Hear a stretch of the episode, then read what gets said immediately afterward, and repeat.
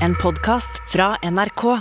De nyeste episodene hører du først i appen NRK Radio.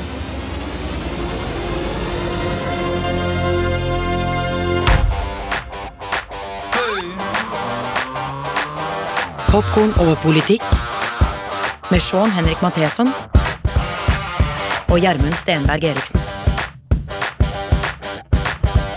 Velkommen til Popkorn og politikk. Jeg heter Sean Henrik Matheson. Er som alltid sammen med Gjermund Stenberg Eriksen her i studio. Produsentene Super-Silje Martinsen Vetter og Kanonion Branes sørger for at vi får gjort det vi skal. Gjermund, det er litt ekstra stas i dag. Vi er tilbake på NRK P2 hver eneste lørdag framover. Ja, mine norsklærere ville vært stolte. Ja, det er kult, altså. Fy fader. Vår forrige podkast, Trump mot verden, gikk jo også på P2. Men nå altså popkorn og politikk stas at du hører på.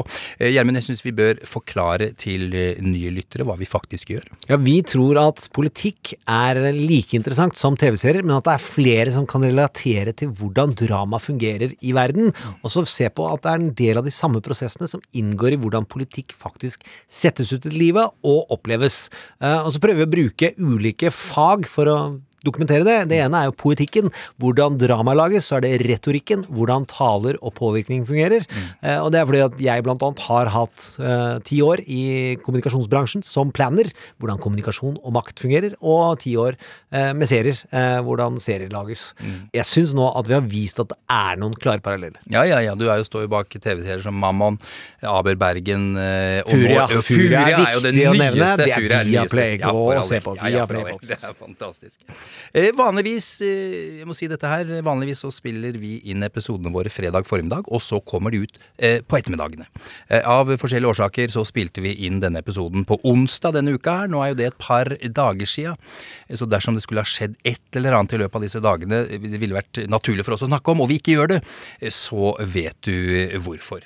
Og vi skal begynne med et fenomen i både politikk og drama i dag, Gjermund. Ja, og det er noen veldig naturlige årsaker. Vi skal snakke om patriarken, altså den ledende farsfiguren. Eh, han går jo inn i ganske sentrale politikksteder i virkeligheten om dagen. Eh, vi har to vi skal i hvert fall snakke om, Biden og Trump. Eh, og så har vi to dramatiske karakterer. Den ene er fra West Wing, og den andre er Succession, som blir nevnt i en samtale litt lenger nede.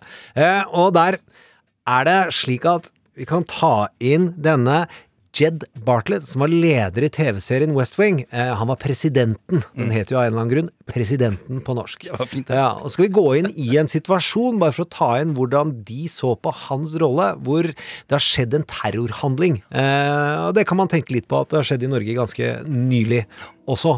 Og da er taleskriveren og presidentens utfordring å få en nasjon til å forsone seg med at det har skjedd meningsløs vold. Ekstremt vond vold. Det er gått av en bombe, det er barn og unge som er døde, eh, og det er også hjelpemannskaper som har gått med. Og Det er en svær sal, og den amerikanske presidenten spilles av Martin Sheen. Eh, men legg merke til sangen som ligger under. Det er I Don't Like Mondays, og er jo da en sang som handlet om en av de første skolemassakrene eh, som vi vet om i verden, og som da er valgt for å understøtte tematikken til talen. Og den taleskriveren som skrev skrev denne talen, han har vi snakka med i denne episoden. Altså den ekte som skrev den talen som taleskriveren skrev for presidenten. The guy who the guy counseled. Han som jobber for patriarken. Men kjent på de ordene. Eh, vi syns ikke de er hakkende gale.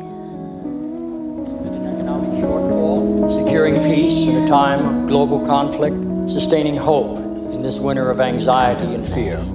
More than any time in recent history, America's destiny is not of our own choosing. We did not seek, nor did we provoke an assault on our freedoms and our way of life. We did not expect, nor did we invite, a confrontation with evil. Yet the true measure of a people's strength is how they rise to master that moment when it does arrive. 44 people were killed a couple of hours ago at Kennesaw State University. Three swimmers from the men's team were killed, and two others are in critical condition when, after having heard the explosion from their practice facility, they ran into the fire to help get people out. Ran into the fire. The streets of heaven are too crowded with angels tonight. There are students and our teachers and our parents and our friends. The streets of heaven are too crowded with angels. But every time we think we've measured our capacity to meet a challenge, We look up and we're reminded that that capacity may well be limitless. This is a time for American heroes. The streets are crowded with angels tonight. Den episoden glemmer jeg aldri, Gjermund. Nei, og det er Eli Atty sine ord som han pitcha først til en politiker. Han skrev denne talen til en ekte politiker, og så ville ikke den politikeren bruke talen. Og da brukte de den heller, sa Sorkin. Give me that speech. Jeg putter den inn her. Utrolig historie. Ja, det synes jeg er det er At du ikke skjønner at det der er gull. Men bare for at folk skal skjønne hvor eh, viktig Jed Bartlett og patriarken er i fortellinger, eh, så syns vi det er artig å dra fram en av signaturscenene hans som kommer eh, nedover i sesongen, eh, hvor han har opplevd at eh, noen av barna hans er blitt eh, tyna av konservative pratmakere på radio. Eh, ligner veldig på hvordan Fox News oppleves som rabiat i dag. Denne serien hadde et annet standard for hva som var rabiat, men allikevel så går han inn. Han er en flink fyr til å prate, men han mister konsentrasjon, og det har Jed Bartlett nesten aldri gjort. Uh, Så han slutter å prate, for han ser en kvinne som sitter der i grønt, og som har kalt seg doktor, og det har han stussa litt ved. Og så kan vi høre denne, hvordan det blir satt på plass av en patriark, av den gode typen. Så skal vi snakke om den noe farligere patriarktypen lenger ned i sendinga. I like your show. I like how you call homosexuality an abomination. I don't say homosexuality is an abomination, Mr. President. The Bible does. Yes, it does. Leviticus, 1822. chapter and verse. I wanted to ask you a couple of questions while I had you here. I'm interested in selling my youngest daughter into slavery as sanctioned in Exodus 21 7. What would a good price for her be? My chief of staff, Leo McGarry, insists on working on the Sabbath. Exodus 35 2 clearly says he should be put to death. Am I morally obligated to kill him myself, or is it okay to call the police? Think about those questions, would you? One last thing. While you may be mistaking this for your monthly meeting of the ignorant tight ass club, in this building when the president stands, nobody sits. Nei, det er altså så presist eh, og solid det Bartlett gjør der. Det Ja. Nydelig! Og det man må skjønne, at nå har jeg snakka med Eli Atty en god del ganger, men snakka med en del andre typer showrunnere og skapere av politisk drama, eller politisk komedie. Snakka med han som lagde Veep og faktisk, rett før sommeren. Eh, og alle sier følgende Det er West Wing som er referanseverket. Veep er ikke mulig uten at West Wing har skapt en forventning og en følelse for hvordan politikk fungerer. House of Cards er ikke mulig eh, uten West Wing, og Succession er på mange måter også heller ikke mulig fordi den har dratt fram maktfortellinger av den gode typen, og da ser vi klarere den mørke etterpå. Eh, Eli har jo selvsagt blitt klødd på ryggen mange ganger om det.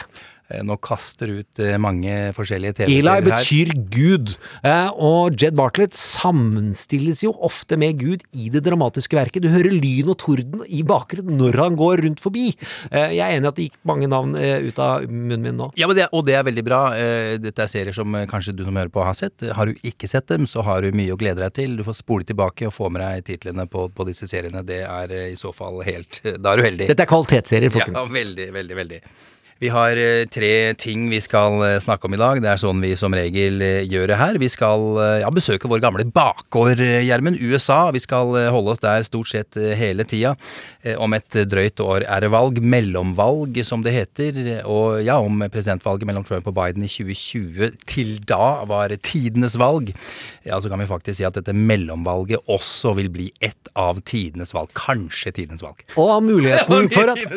Kanskje tidenes valg. Ja, det blir det. Det, er, ja. det blir det. Men da er det jo da to gamle familiepatriarker som står mot hverandre, som de kan velge mellom. Vil du ha den ene gamlisen eller den andre? Jeg vil si den ene er litt lysere i tonen enn den andre. Men dette valget kan avgjøre hvilken retning verdens mektigste land vil ta. Demokrati eller autokrati. Ja, det høres drøyt ut, men det er faktisk sant. Eh, enda en bok har kommet ut.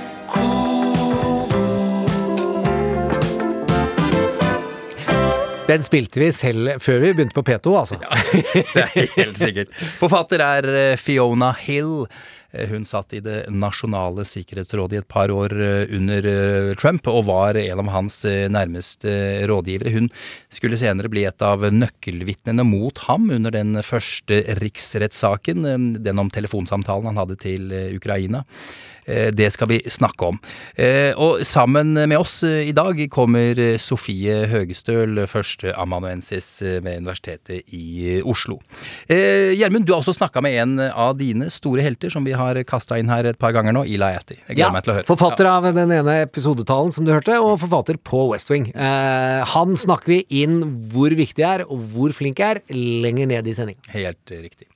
Eh, Det er jo alltid veldig mye vi kunne ha brukt eh, tid på, men den tida har vi dessverre ikke, så vi pleier å ha med et par-tre godteribiter, som vi liker å kalle dem. eh, Saker og folk vi synes det er verdt å, å nevne, men som vi ikke skal dvele ved så veldig lenge. Og til å begynne med så tror jeg vi trenger hjelp av én av de virkelig store talepedagogene, Gjermund. Ja. Ja, var det den vi skal Det, jo, det er det. Det er patriarken. Patriarksangen til George Michael. Og han lærer jo oss å si et av de vanskeligste navnene i amerikansk politikk. Den mest En av de karakterene vi snakker mest om, som vi dessverre bare bruker kallenavn fornavn, fordi vi ikke helt får svung på det, og det er jo Mare Pete. Mayor Pete. Der satt den. Ja. Der var den. Og da hører du på rytmen I wanna. Ja, da går det. Det er sånn det sies. Eh, Pete Buttigieg er tilbake, en av våre favoritter, som du sa nå. Mayor Pete, som er blitt kalt. Nå transportminister Pete. Eh, Han, han var borgermester i, i South Bend i Indiana i mange år, derfor ble han kjent som Mayor Pete. Eh, Stilte også som presidentkandidat for Demokratene. Trakk seg relativt raskt, og det var ganske rørende da han trakk seg. Han gjorde det foran Joe Biden, og da sammenlignet Joe Biden ham med sin avdøde sønn Bo, som sagt en av våre favoritter. Det er signing, det, i amerikansk eh, politikk, og da tar patriarken inn i familien. Oh la la. Dette er George Washington, vi kan ikke gå til det, men han drev også med det, og signet medarbeidere, sånn at de ble nærmest som sønner. Det var veldig rørende, akkurat den eh, scenen der. Men eh, Buttigieg, sammen med sin mann, fikk han tvillinger for en tid tilbake siden. Tok ut pappaperm, men nå er han tilbake. Skal vi høre hva Fox eh, Tucker Carlson, eh, mannen som eh, mener ting som hører til på absolutt ytterste fløy, mente om det med pappaperm, Gjermund? Pete Buttigieg has been on leave from his job since August after adopting a child. Paternity leave, they call it, trying to figure out how to breastfeed. No word on how that went.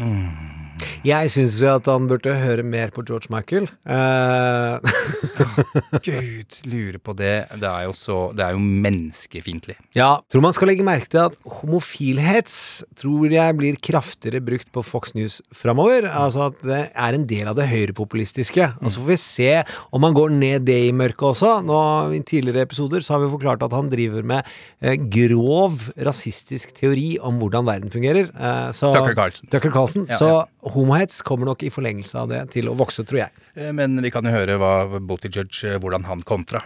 As you might imagine, we're bottle feeding. Det er solid. Enkelt og greit. Det er ikke noe mer å mase med. Oh, I den andre enden av skalaen for nyfødte barn, ja, der har vi døden, Gjermund. Ja, altså du mener at de vokser opp og så dør, ikke sant? Ja, du tok ikke den mørke vitsen Nei. Nei, nei, nei. nei. Nettopp. Jeg- Vokser gjennom livet, Ja. og så dør. Det er greit. Helt riktig. Eh, og denne uka her, tidligere denne uka, så døde tidligere utenriksminister i USA, Colin Powell. Eh, han satt i Bush den yngre sin regjering fra 2001 til 2005. Før det hadde han en lang og solid karriere i det amerikanske militæret, var i Vietnam flere ganger, var militær rådgiver for John F. Kennedy. Eh, var også nasjonal sikkerhetsrådgiver for Ronald Reagan eh, på 80-tallet. Fikk dessverre en eh, ganske solid ripe i lakken da han forsvarte USAs invasjon av Irak i 2003. Men likevel blir husket og, som en svært eh, respektert eh, politiker. Ja, han var med på Irak 1-krigen og de feilvurderingene som var der, men han tok også oppgjør med det, altså. Ja. Eh, og man kan jo også si at han på et vis skifta side. Da Barack Obama stilte som eh, presidentkandidat, så, så valgte han å støtte ham istedenfor eh, republikanske representanten John McCain. Powell var jo republikaner, hvis vi ikke har sagt det. Vi kan jo høre hva eh, Powell eh, snakka om i forhold til eh, Barack Obama. Ja, og det endte opp hvordan Barack Obama hele tiden ble angrepet for å være muslim, uh, hvor en av de onde farsfigurene våre, som uh, er Donald Trump, hele tiden diskrediterte hans bakgrunn. Hør her. I'm also troubled by not what Senator McCain says, but what members of the party say. And it is permitted to be said such things as, well, you know that Mr. Obama is a Muslim. Well, the correct answer is he is not a Muslim. He's a Christian. He's always been a Christian. But the really right answer is, what if he is? Is there something wrong with being a Muslim in this country? The answer is no, that's not America. Is there something wrong with some seven year old Muslim American kid believing that he or she could be president? Yet I have heard senior members of my own party drop this suggestion. He's a Muslim and he might be associated with terrorists. This is not the way we should be doing it in America. Colin Powell der som eh, døde denne uka her. Gå på vår Facebook-fandrevne side og se hva Donald Trump eh, sa om hans død. Det er så mørkt som dere tror. Eh, Det er, det er, jeg, jeg lo rett ut, selv om det er bare kjipt. ja, liksom. selvsagt Ja, diskrediterer han en mann eh, den eh, dagen han dør. But of course. Eh, nå til et eh, brutalt og rasistisk drap i en liten by i staten Georgia for omtrent halvannet år siden. Du husker det kanskje? 25 år gamle Amod Arbery var ute og jogga nær byen Brunswick. Eh, han ble ja, nærmest jaktet på av tre menn, hvite. De så ham og dundra etter ham i pickupene sine. De konfronterte ham, og etter hvert ble han skutt og drept. Han hadde ikke våpen, bare for å si det. Dette har blitt omtalt som en rein lynsjing. Helt grusomt. Og filmet på mobil. ja, ja, det fins der ute.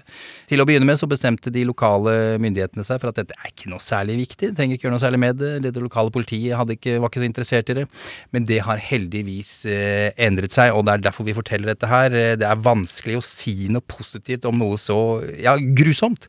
Eh, Men om ikke annet, det ser nå til, ut til at dette mordet kan ha påvirket Brunswick i, i positiv retning. Statsadvokaten som forsøkte å la disse mennene slippe unna, er tiltalt. Det lokale politiet har fått sin første svarte politisjef, og både demokrater og republikanere har samla seg, og de har fått på plass en ny lov mot hatkriminalitet. Det er jo en slags silver lining, men det måtte det er da silver lining. Altså, det. det. å få vekk en kultur for disse gutta trodde at lynsjing er greit. Ja. Det er bare å se videoen. De jakta på fyren som jogger, har ikke gjort noe galt. Uh, så dette er egentlig en litt god, varm nyhet, for det er mye annet som drar mot mørket. Vi liker å ha noen uh, lyse punkter på stjernehimmelen, for å sitere uh, Matthew McConaughey, en skuespiller som nevner det i True Detective, eh, som jeg føler egentlig at de folka har lest Wergeland.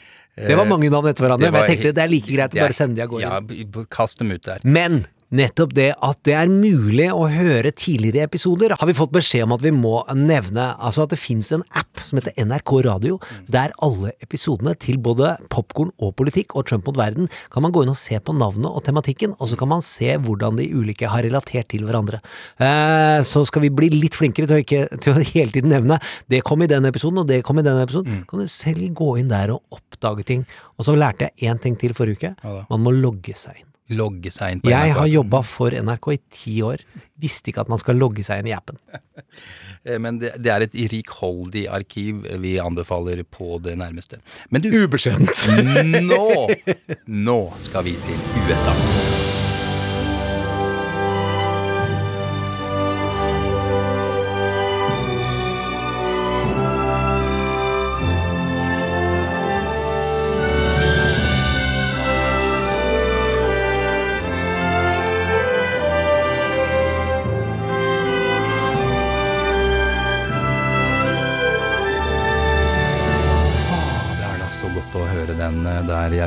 Gjermund. Alltid. Ja. Det er det, da er det nesten som at eh, kirken er klar, og så kan eh, prekenen begynne. Det var selvfølgelig kjenningsmelodien fra Jeg West Wing. går mye Ja, det, og det gjør du ikke. Eh, kjenningsmelodien fra The West Wing, altså presidenten der. Eh, USA gikk gjennom eh, tidenes valg for eh, omtrent et år siden.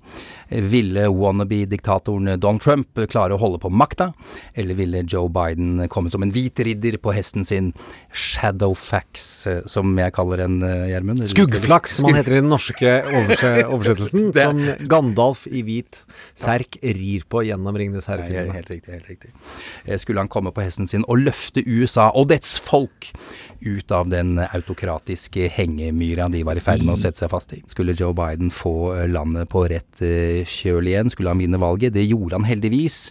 Men så lyst som vi hadde håpet ble det vel ikke, for vi håpet jo at med Joe Bidens seier så ville Trumps Amerika forvitre og bli redusert til kapitler i fremtidens historiebøker med overskrifter som 'Slik gjør vi det ikke'. Aldri igjen. Trump slapp ikke taket på Det republikanske partiet, og partiet slapp ikke taket i han. Det republikanske partiet slik det eksisterte fram til 2016, finnes ikke lenger. Det har blitt redusert til Don Trumps egen kultbevegelse. Eh, og med det kan vi si at vi enda en gang nærmer oss tidenes valg i USA. Mellomvalget i 2022 kan bli en korsvei i landets moderne historie. Det er ikke usannsynlig at dette valget vil legge veien til rette for et comeback for Trump i 2024. Alle 435 seter i Representantenes hus er på valg, 34 av 100 seter i Senatet er på valg, i tillegg skal det velges guvernører i 34 stater, nye justisministre i 30 stater, og representanter til de statlige kongressene rundt omkring. Og dersom det kommer Trump-vennlige folk inn i posisjon, så skal du ikke se bort fra at Trump i 2024 også kommer i posisjon igjen. Og om det amerikanske demokratiet tåler en ny runde med Trump, det er neimen ikke sikkert. Velkommen, Sofie Haugestøl. Hei. Hei. Eh, Førsteamanuensis ved Universitetet i Oslo. Nå skal vi forsøke å, å, sette opp både spenningen og forståelsen av hva som kan skje foran dette mellomvalget. Eh, og Sofie, hva er avgjørende for eh, innspurten mot 2022 sett med republikanernes øyne? Vi begynner der. Det er at de fortsetter å holde partiet samlet. Det er kanskje det viktigste de gjør. Prøver å holde massene samlet. Mm snakke om sakene sine. Mm. Abortsaken vil jo bli stor, det vet vi. Um, og det som skjer i Texas, det er jo en ny abortlov har kommet på plass eh, seks mm. uker, som vi har snakka om tidligere. Mm. Er det noe hele partiet står samlet bak? Det er nok en, noen krefter som ikke er enig med den type lovgivning, men det å si det høyt ved Det republikanske partiet, det er ikke noe du kan gjøre. Det blir jo kulturkrigbudskap der hvor abortlov er én ting, og så er det mye som tyder på at uh, Skole skal debatteres eh, og brukes som skremselspropaganda. At staten og sosialismen kommer og skal styre hva læreren sier. Og dette spøkelset som de har dratt opp om Hva heter det igjen? Det, altså, jeg er så utrolig redd for at man skal undervise i at, eh, hvordan svarte har hatt det opp gjennom amerikansk historie. Structural racism. Ja, kritisk raseteori. Kritisk raseteori, som egentlig er et akademisk universitetsfenomen, som de later som nå skjer på, i barneskolen. Noe som ikke har funnes der. Det, det tror jeg blir mm. Det blir ikke mindre lyd. Nå er det jo bare tolv måneder igjen. så, så nå, ja. nå, begynner jo Vi kommer jo til å se på nyåret at ting tar seg opp her, i sånn valgsammenheng. Eh, hvis vi går til eh, demokratene, og, og, spesielt Biden, Gjermund, hvilke faktorer på hans side er som er avgjørende? Vil du til? Altså, helt de store sekkene, så er det jo pandemi, økonomi og de forbedringene han har lovet. Build back better er jo hovedbudskapet som mm. han skulle vinne valget på. Og så har han jo noen hjelpepakker han venter på at skal bli godkjent. Og hvis det ikke blir det, mm. så taper han så det synger. Og da taper veldig mange. Da taper han mellomvalget? Ja, da altså, taper han i 2022, ja, ja, og da, taper, da, er det mange seter som ryker. Ja, hvor, Hvordan er, ligger vi an på de hjelpepakkene nå? Hjelpepakkene er som kjent uh, ligger til behandling i Senatet, og hvor det er én senator som avgjør om det blir vedtatt eller ikke, og han heter Joe Manchin. Mm. Det er den, det overordna bildet. Mm. Og så er det hva gjør dette med demokratene? Vi har noen eh, vonde følelser rundt demokrater som da beskrives som 'dems in disarray'. Det betyr at de er redde og bekymret, og da de de, tar de ikke de klokeste valgene. Og i 2009 så begynte ganske mange demokrater å ta ut avstand til Barack Obama. Mm. Og det gjorde at du fikk tidenes valgras i 2010.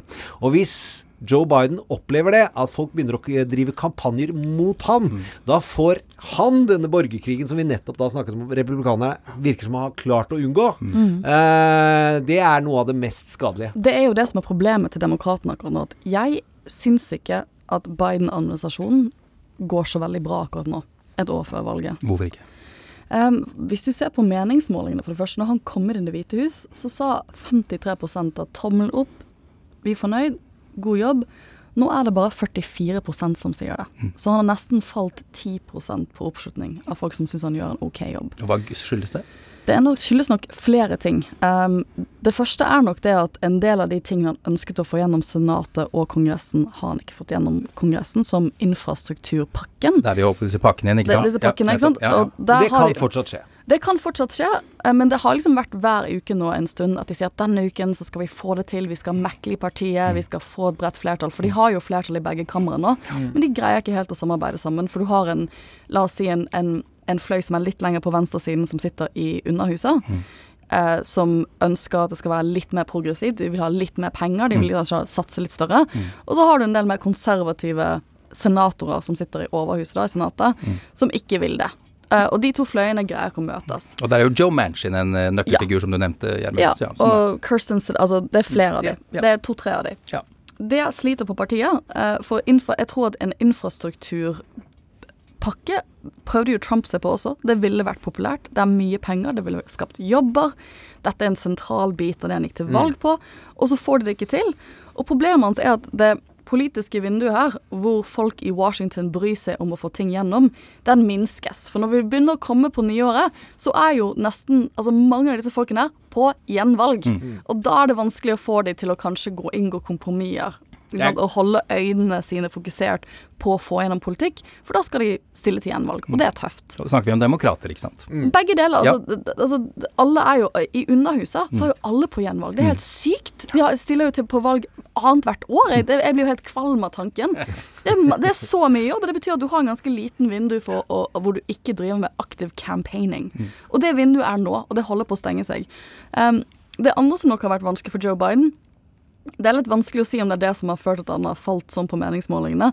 Men det er jo selvfølgelig Afghanistan, uttrekningen derfra. Det, du ser at det er da, det er da dette, denne dalen begynner, hvis du går på 538, som vi liker Nate Silver sine prognoser. Hvis du går og ser inn på det, når de krysser hverandre, det er da, liksom de, det er da han begynner å bli mer upopulær. For akkurat nå så er det 49,9% som sier at han gjør en dårlig jobb. Og så har vi den som var enda verre, og det er pandemihåndteringen. Eh, som han ikke har kontroll på. Det er jo at det er veldig mange som ikke tar vaksinen, eh, og at smitten da ikke har lagt seg. Og at det har vært sykehuskrise i en rekke delstater. Det har jo også dratt ned populariteten voldsomt. Jeg bare, akkurat nå sliter han litt. Han sitter på meningsmålingene, han får ikke eh, gjennom de tingene han vil ha. Han vet at tidsvinduet for det minskes uke for uke nå. For når vi kommer inn på nyåret, så kommer mye til å handle om, eh, handle om mellomvalget.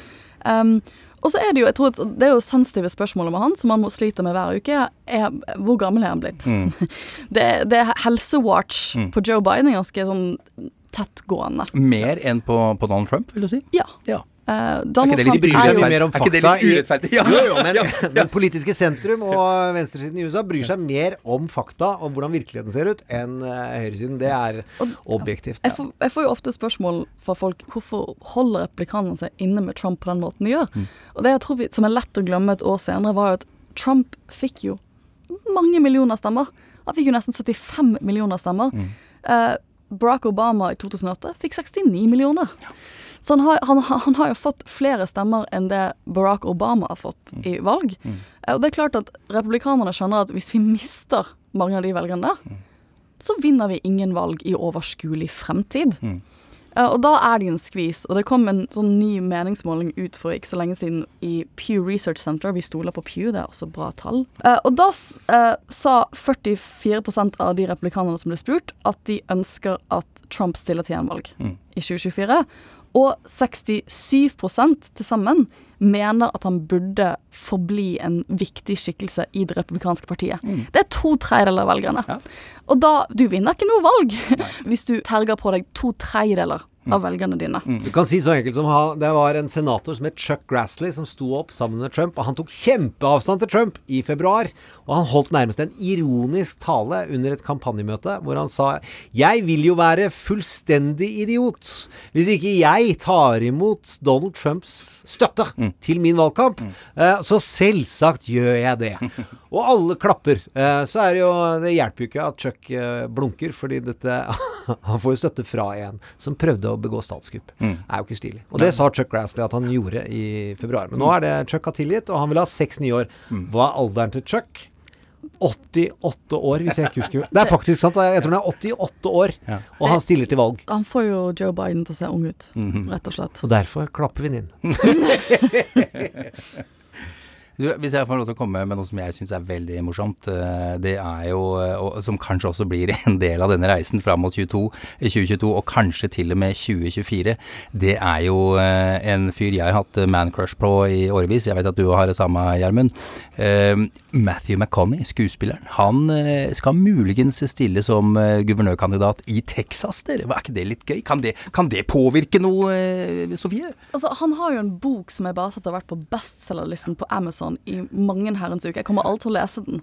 Men det er jo første steget ofte i amerikansk politikk til å lansere seg som en stor kandidat til et eller annet stort verv. Ja. Det er jo å skrive en bok og gi den ut. Ja. Sånn, en bok hvor du egentlig reflekterer over livet og viktigheten og sånne ting. Og det har han allerede gjort. Ja. Så vi vet jo at han er er veldig han i gang, liksom. Han er i gang, og vi vet at han er veldig seriøs. Ja. Det var jo podkaster på 70-tallet som drev og ironiserte om det å være skuespiller eh, og komme seg opp i politikken. Ja, ja. Eh, og siden da så har vi alltid vært positive til at en skuespiller snakker. Eh, det var Ronald Reagan-referanse, folkens, Ja, ja. eh, hvis du ikke skjønte det. Eh, Matthew har troverdighet og intellektuell kapasitet, eh, og så er han flink på å ha snakket mye om at han tilhører sentrum. Mm. Eh, så han eh, har jo ikke offisielt sagt I'm running for sure, men han har spilt korta ekstremt riktig, som Sofie peker på. Mm. Uh, og Han er jo riktig i alderen, en 50 år gammel mann. ikke sant? Han har en nylig familie. Det er mye der som kommer til å se bra ut i en kampanjevideo. Han er så kjekk at jeg rødmer, og jeg er ganske heterofil. Det er det jeg sier. Ga, ja, ganske heterofil. Det det Men det, der kjenner jeg at det blir det, det, det,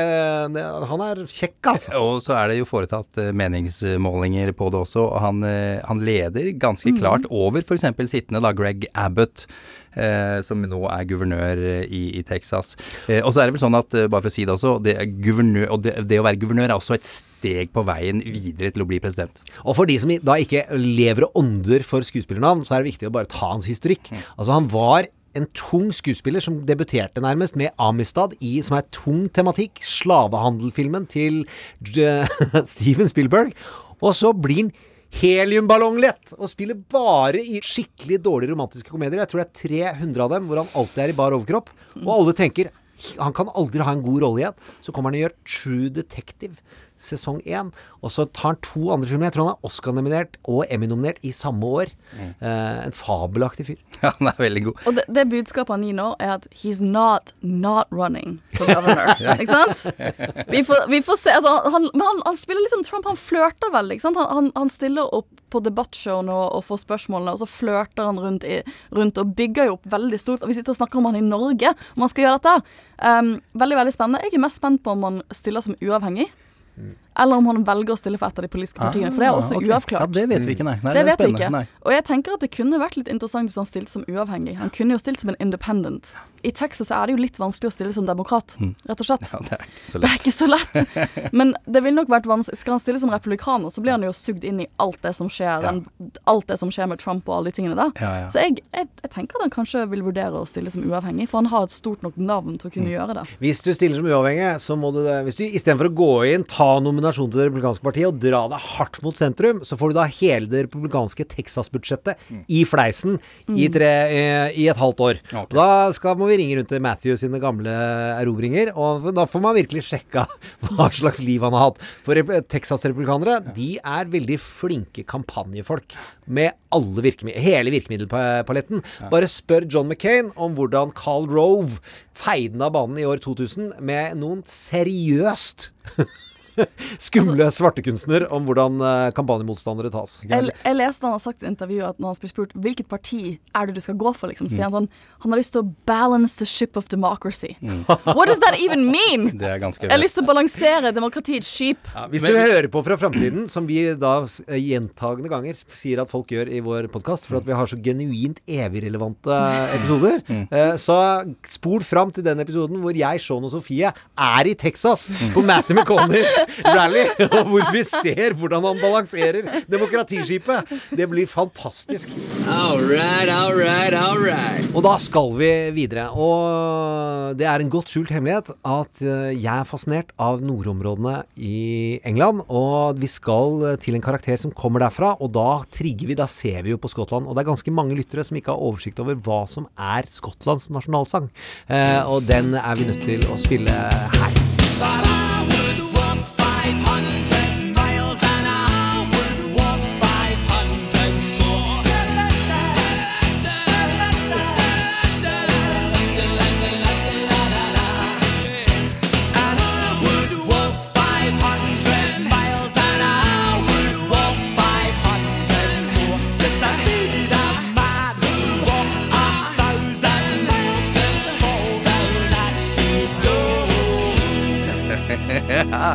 ok, eh, det var The Proclaimers.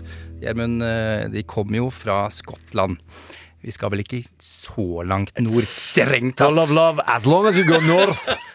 As long as you go north. Bare det, bare det er Skottland. Vi skal ikke så langt eh, Vi skal ikke så langt nord, altså. Men vi skal til en kvinne ved navn Fiona Hill. Eh, Hun var sentral under eh, riksrettssaken mot eh, Donald Trump, den første, i 2019 og 2020. Hun er britisk-amerikansk og har vokst opp i Nord-England. Det, har- du rett i, Gjermund.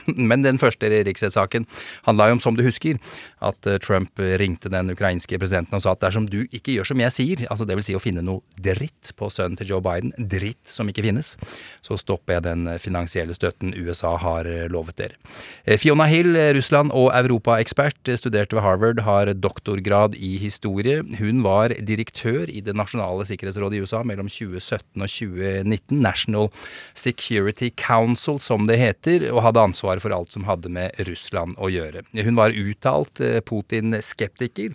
Derfor var det faktisk mange som ble overrasket over at hun både fikk og tok jobben, eh, med tanke på at Jo Trump hadde tidenes man-crush på nettopp eh, Putin. Og nå har hun da gitt ut en bok.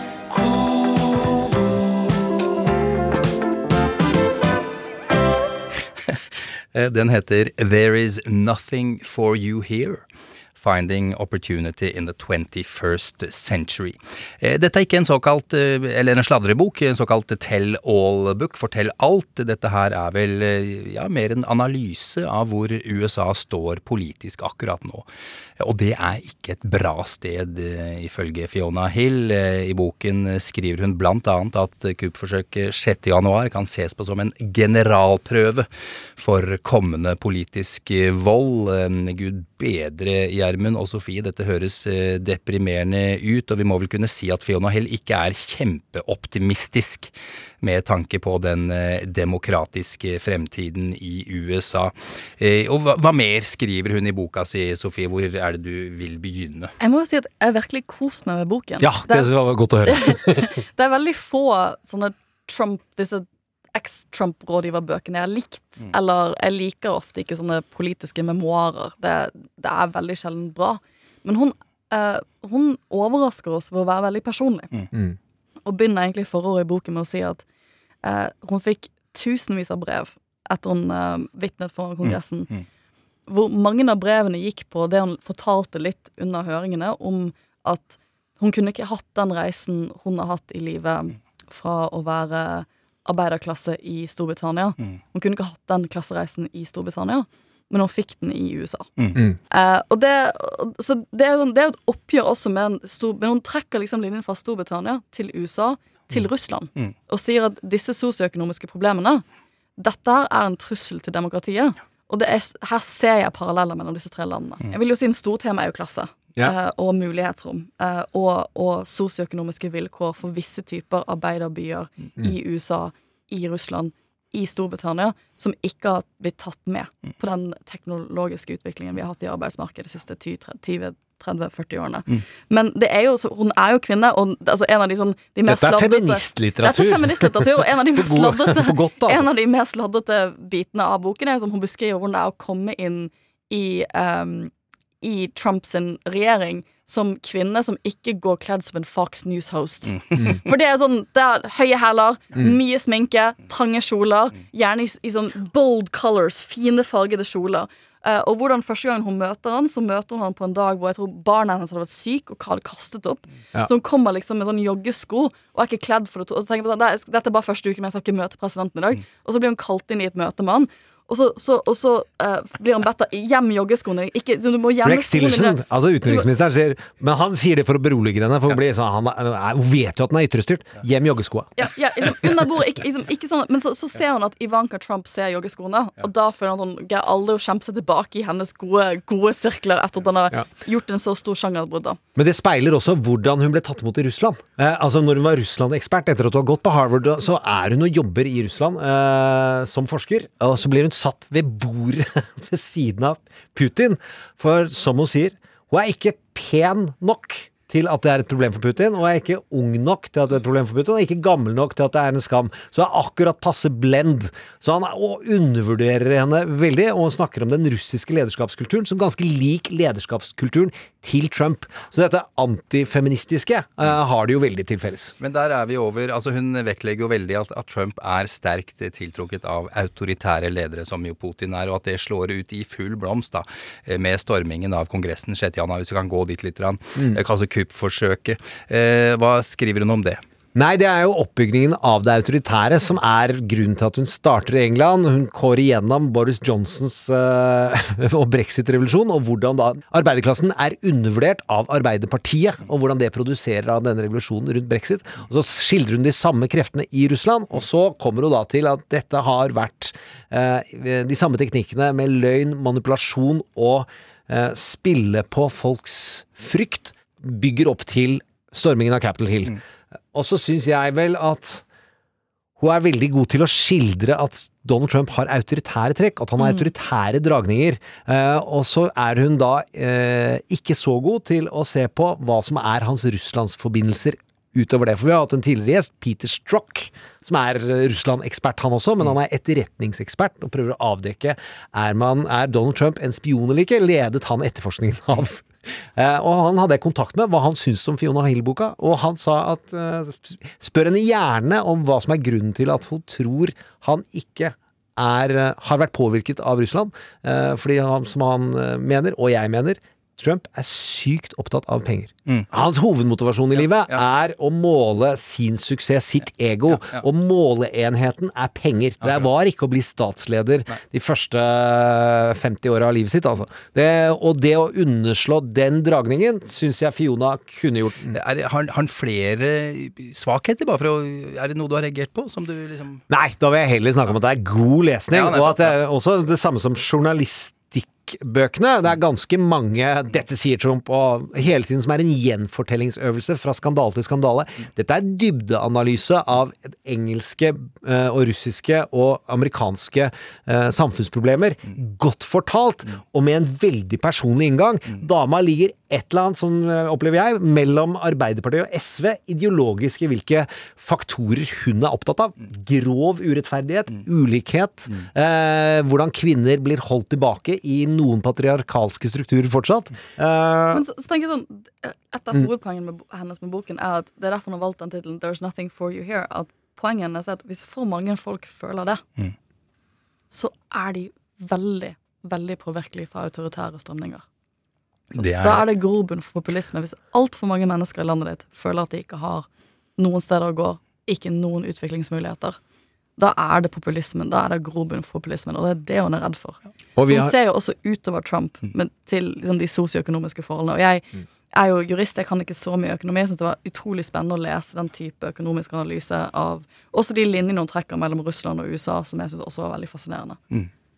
Jeg vil jo si at vi har gitt uh, uh, Sofie en utrolig jobb, nemlig å misbruke UiO-e-posten sin. Uh, og det heter jo professor på amerikansk-engelsk, dette med førsteamanuensis. Heter ikke det? Associate professor. Associate professor, ja. Den e-posten hun må bruke, er at vi skal få tak i Fiona og snakke om de spørsmålene. Det er en jobb vi Så det kan dere regne med at skjer. Sofie Høgesøl, tusen takk skal du ha. Og da skal vi eh, tenke på The Guy Who The Guy Counts On. Vi skal til Ilayati, eh, fordi det er mye som tyder på at eh, vi trodde krigen var vunnet, men eh, slagene er ikke over. Eller åssen blir det? Vi kan høre her. Everybody plays, follow the leader.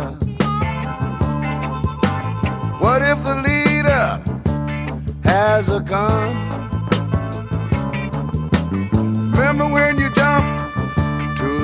O'clock whistle. Battle is over, but the war go on. Popcorn og politikk. The battle is over you. Sa det, Gjermund. Vi skal til Eli Atty, en av dine store helter. Det må vi kunne si. Og du har snakket med ham igjen. Han var med i vår forrige podkast, Trump mot uh, verden. Uh, før vi, vi, hører litt på, på, samtalen du og han hadde. Eli Atty, en Emmy-prisvinnende manusforfatter for serien West Wing, altså Presidenten, som det het på, på norsk.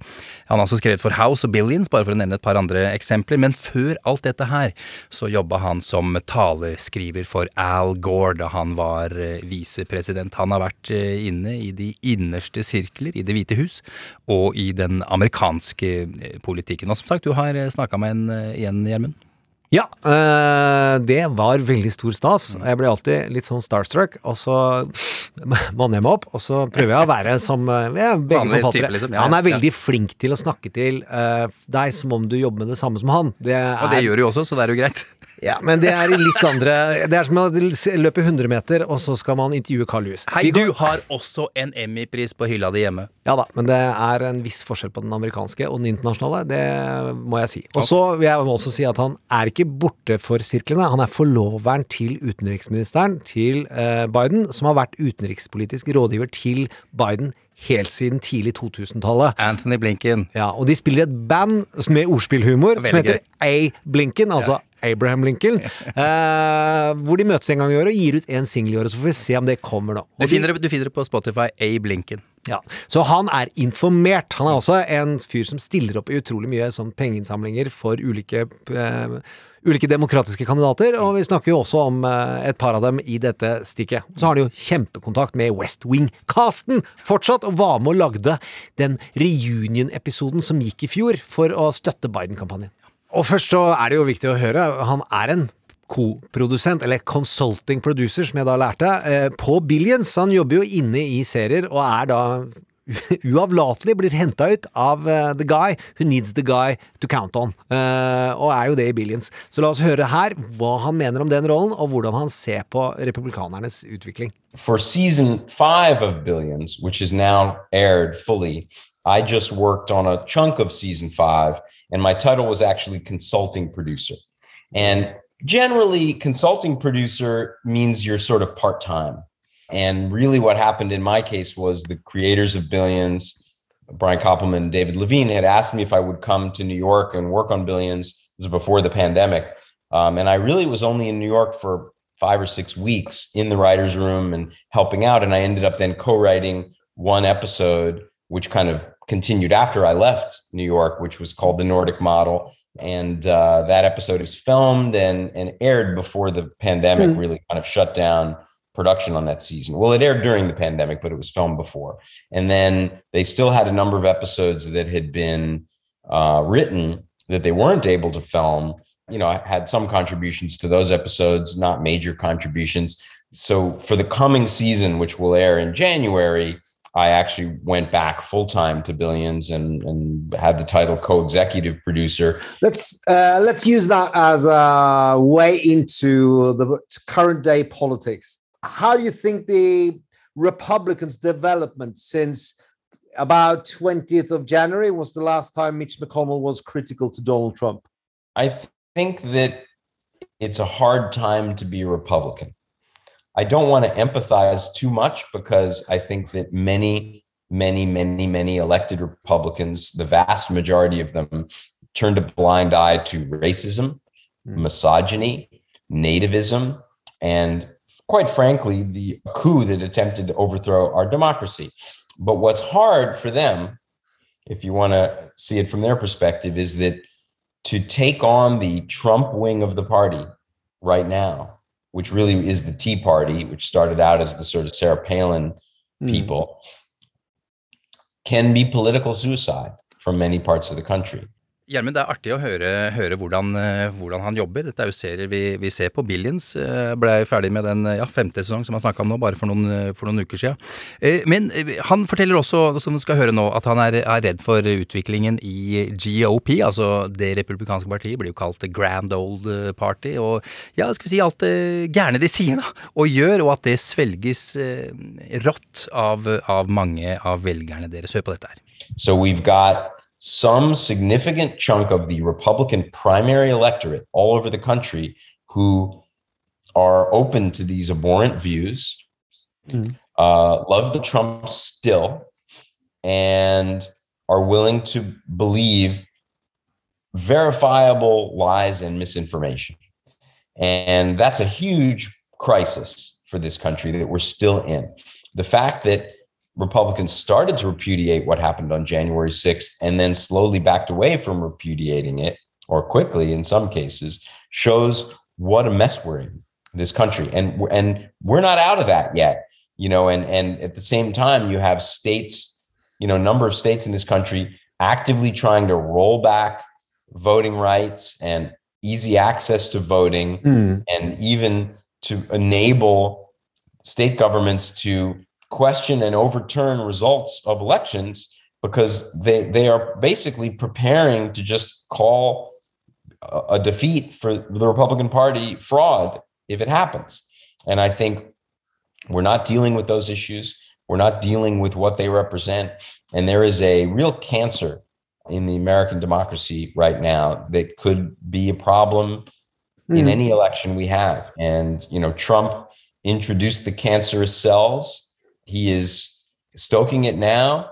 I don't know if he will be back in American politics or not. I certainly hope not, but he is a toxic, ugly presence, and, and we have to deal with that. Donald Trump didn't spend a single day as president of the United States over 50% in the polls. And he was, you know, not hugely helpful to his party electorally. He was a drag on his party. I would like to think that he he can only hurt his party ultimately, you know, dragging candidates to the right in certain swing districts where it would, Mhm. you know, pay for them to be more moderate. But what worries me is that by simply existing and spewing these kind of hateful anti-democratic ideals and ideas, he's sort of moving the line in within the mainstream Republican Party of what's acceptable.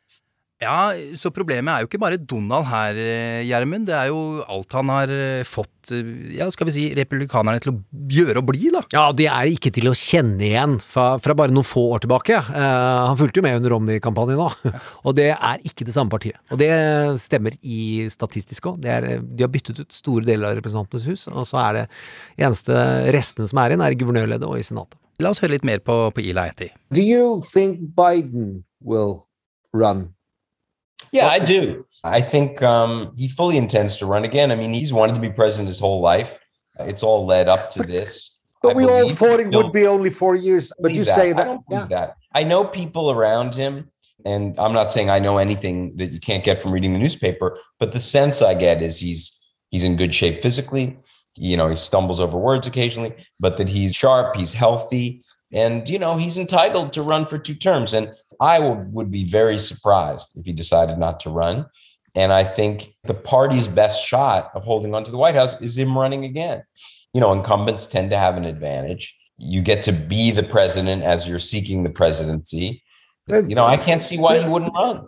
Altså, han mener altså at eh, Biden tar en periode til. Det, han ble, ja, folk har jo sagt at han er en one term president. Det, liksom, det har vi liksom forholdt oss til alle sammen, Gjermund. Ja, ja, David Axelrod har sagt Ja, det, men ja, her er ja. han veldig overbevisende og insisterende, og han behøvde ikke være det, altså. Og så mener jo jeg at han har godt nok kildegrunnlag inn i rundt denne mannen Helt til å forstå hva det er. Uh, og så er, det, så er han tydelig også på at han, Biden må si at han stiller igjen Mm. inntil et visst punkt, ellers så er han politisk impotent. Mm. Det vil si lame duck. Uh, at han ikke får gjennomført noe, for da løper bare videre, folk videre etter hvem er den neste som skal, skal ha makt. Men altså, nyhetssaken i dette, altså den virkelig store nye, at en som kan såpass mye om amerikansk politikk og virkeligheten de lever i, sier at Biden, han stiller igjen. Mm. Da er han 82 år gammel, bare for å si det. Det er ganske vilt. Ja, men 82 var et fint år. Da var det VM i Holmenkollen. Det er bare å tenke positivt.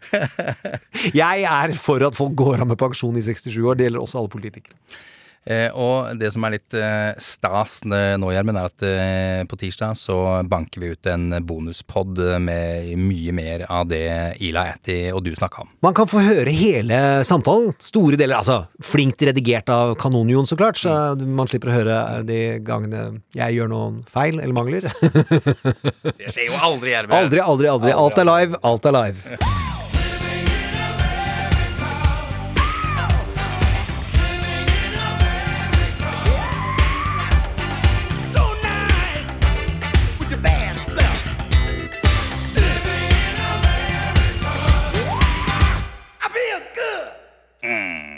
James Brown uh, living in uh, America.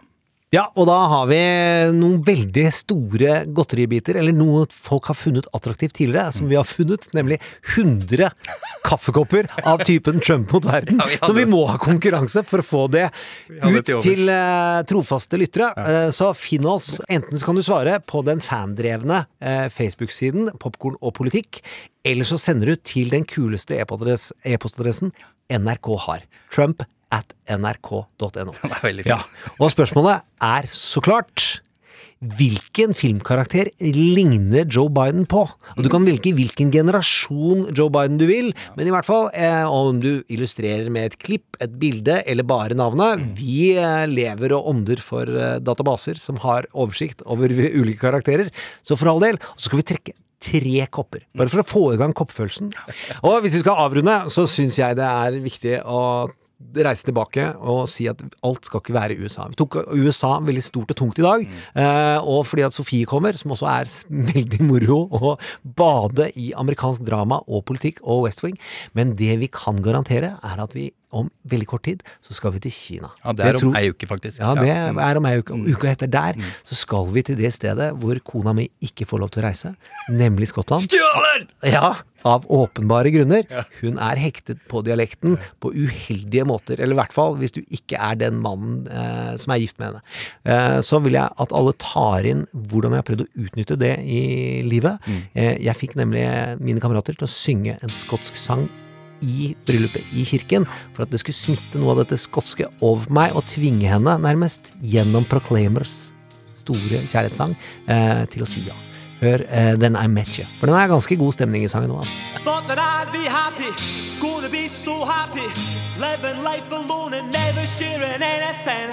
Thought that I was finished, thought that I was complete, thought that I was whole instead of being half of something.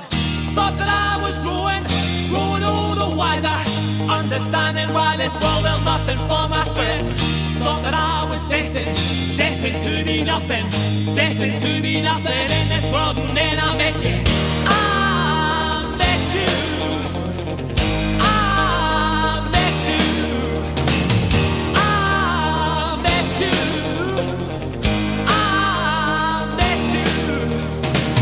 Du har hørt en podkast fra NRK. De nyeste episodene og alle radiokanalene hører du i appen NRK Radio.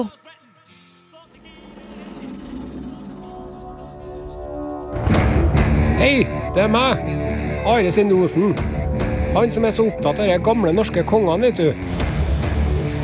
Nå har jeg mange nye episoder om dem i podkasten Kongerekka. Og de har ikke roa seg siden sist, kongene, for å si det sånn. Det er jo vår Game of Thrones, det her. Fra virkeligheten. Intriger, sex, brodermord, store slag. Ja, ikke riktig så mange drager.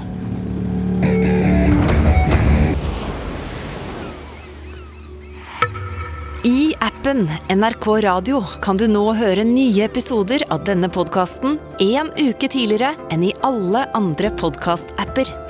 Du får også tilgang til mer enn 150 podkaster, 16 radiokanaler og NRKs enorme lydarkiv. Alt dette ved å laste ned appen NRK Radio. NRK Radio. Vi hører sammen.